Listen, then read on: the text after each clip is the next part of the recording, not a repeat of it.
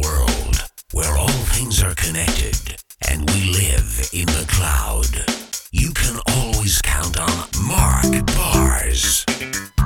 13 januari 2021. Vanavond zat ik editie NL te kijken en nu moet het kaartspel op de schop. Of op de schoppen. Het gaat om de boer, de vrouw en de heer. Waarom moesten de heer, de vrouw en de boer verdwijnen?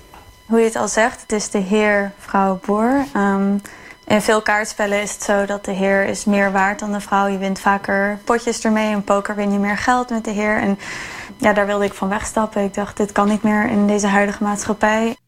Mm, zeg het nog eens. Ik dacht, dit kan niet meer in deze huidige maatschappij. Volgens deze mevrouw moet het nu worden uh, brons, zilver en goud. Het is nu wachten op het protest van de boeren dat ze minder waard zijn dan de vrouw.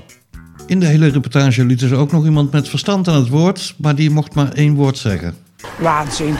Ja? Echt waanzin. Het zal allemaal wel meevallen. Je gaat geen eeuwenoud spel helemaal veranderen, waar heel veel literatuur over is, waar nooit klachten over geweest zijn. Maar ja, je weet het niet. Sinterklaasfeest is ook verpest, want het maakt toch niks uit voor de kinderen. Bij deze klassificeer ik deze onder Idiocracy.